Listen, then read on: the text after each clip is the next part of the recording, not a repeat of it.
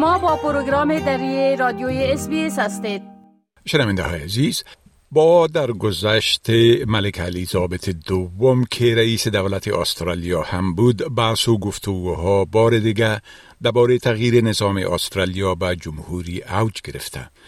و عده از مردم استدلال می‌کنه که وقت ای فرا رسیده که استرالیا رئیس دولت باید از بین خود اتباع ای کشور برگزینن و رابطه خود با سلطنت بریتانیا قطع کنن ما اکنون محترم دکتر نظیر داور وکیل حقوقی را با خود داریم تا درباره جنبه های گوناگون این موضوع روشنی بیندازند. دکتر سب داور سلام عرض می کنم خب در اول اگر لطفا درباره نظام سیاسی کنونی استرالیا و ارتباطی ای کشور با بریتانیا معلومات بتین ایده از مردم هنوز هم تو فکر می‌کنن که گویا استرالیا مستعمر بریتانیا است. در حالی که واقعیت ایتو نیست. بله؟ نخست اجازه بدین شکیب سیب سلام خود خدمت شما خدمت همکارانتان و هم افغانایی که صدای ما رو میشنوه. تقدیم بکنم به جواب سوالتان چیزی که شما میگین. کاملا درست است.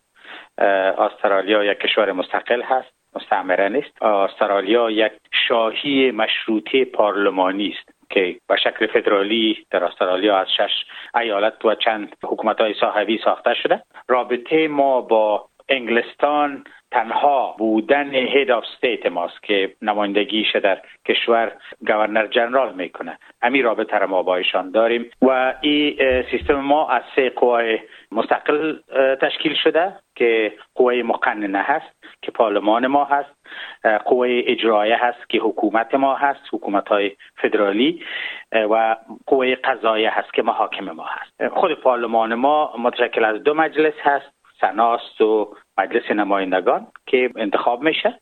هر کس که در مجلس نمایندگان اکثریت داشت او حکومت می‌سازه در راستش صدر اعظم تعیین می‌کنن که او نماینده از اون اکثریت می باشه بعد از او گورنر جنرال با مشوره صدر اعظم یا همو قوه اجرایه یا اگزیکتیوی که هستن. سیستم فیلی ما این یک سیستم وست منستر است. بله. می‌تونین بگوین که جنبش جمهوری خواهی در استرالیا از چی زمان شروع شد؟ چنانچه مدام قدمه گفتم که باز هم با در گذشته ملک الیزابت دوم به ساده ای مورد افزایش یافته. و می‌تونین بگوین که ای جنبش چی زمان شروع شد و مؤسس یا مؤسسین ای جنبش چی کسایی بودن؟ و در چگونه فعالیت های جنبش درگیر است. شکر ای بحث جمهوریت خواهی که قبل از فدریشن حتی شروع شده بودن این از 1886 و 85 اصلا بنیاد گذاشته شده. ولی بعدا بعد از اینکه فدریشن به وجود آمد که هدف 1901 هست این بحث یک کمی قوت خود از دست داد و بعدا در 1900 و در, در 2000 در قرن 20 بازی یک ذره جان گرفت و به پیش رفت. که اولین بار در 1991 ای افتتاح شد به شکل رسمیش در سیدنی. دو هفته قبل از افتتاحش حزب لیبر تصمیم گرفتن که جمهوری خواهی را در آجندای خود یا در پالیسی خود شامل بکنن و در 2020 در 2001 هم در کنفرانسی که حزب لیبر داشت جمهوری خواهی را یک فاکتور مهم در مباحثه سیاسی استرالیا دانستند خب در در امو زمان هم احزاب و سازمان های سیاسی اعضای پارلمان و یا طرفدار رفراندوم بودند که یک رفراندوم صورت بگیره. بالاخره رفراندن هم صورت گرفت. جنبش جمهوری خواهی را بگوییم. وقت زیادی را در بر گرفت تا به رشد و تکامل خود برسد. در زمانهای مختلف از طرف صدر های کشور ما تایید شده. مال در 2022 وقتی که انتونی البنیزی با انتخابات می‌رفت هم وعده زیر کرد و در پارلمان هم یک معاون وزیر برای جمهوریت انتخاب کرد انتصاب کردن در اونجا. خب در ارتباط با تغییر نظام چنانش شما اشاره کردین یک بار در 1999 یک نظرخواهی صورت گرفت که ای به ناکامی انجامید. و اکنون باز هم که صحبت های از انجام یک نظرخواهی میشه. می‌تونین بگوین که نظرسنجی های اخیر در این مورد چی میگه که چقدر مردم طرفدار جمهوریت هستند شکیب در 1999 رفراندومی که صورت گرفت تقریبا 55 درصد نو گفتن و 39 درصد هم یس گفتن.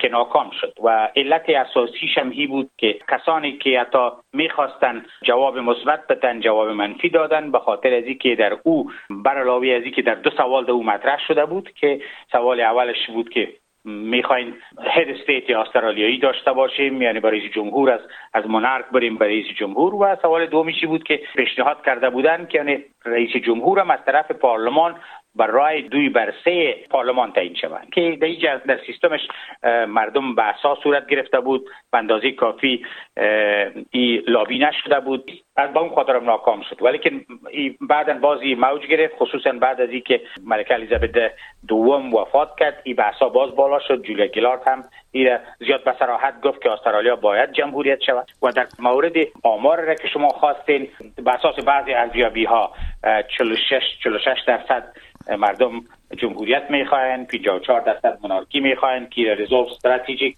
رزولوش است که در سپتامبر 22 شده ولیکن گاردین و اسنشل او که پول گرفتن. 43 درصد ریپابلیک می‌خواه 37 درصد شاهی را می‌خواین معلوم میشه که فعلا هم اکثر مردم طرفدار حفظ نظام شاهی مشروط است. بله؟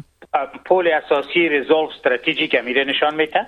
ولیکن و پولویش وقتی که یک پول از طریق اس ها هم صورت گرفته بود 60 درصد شاهی شاهی مشروطه را ترجیح میتن ولیکن بعض poll های دیگه هم وجود داره که در او مردمی که تصمیم نگرفتن بیشتر هستن. بله خب مردم اگر بخواین معلومات بیشتر در این مورد بگیرن این معلومات از کجا گرفته می‌تونن؟ شکف منبع اساسی خود خود وبسایت Australian Republic Movement است که به اوجا برن که در این وبسایت معلومات کافی هست و دیگه ای که خود همی Australian Republic Movement که در گوگل هم سرچ بکنن. منابع کافی ویکیپیدیا یک منبع خوبی هست که آدم می‌تونه از معلومات کافی را بگیره.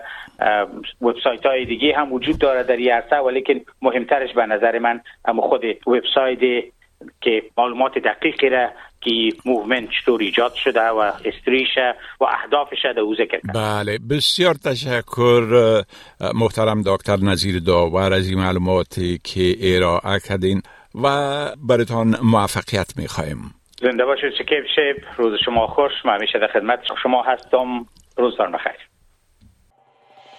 می خواهید این گناه گزارش ها را بیشتر بشنوید؟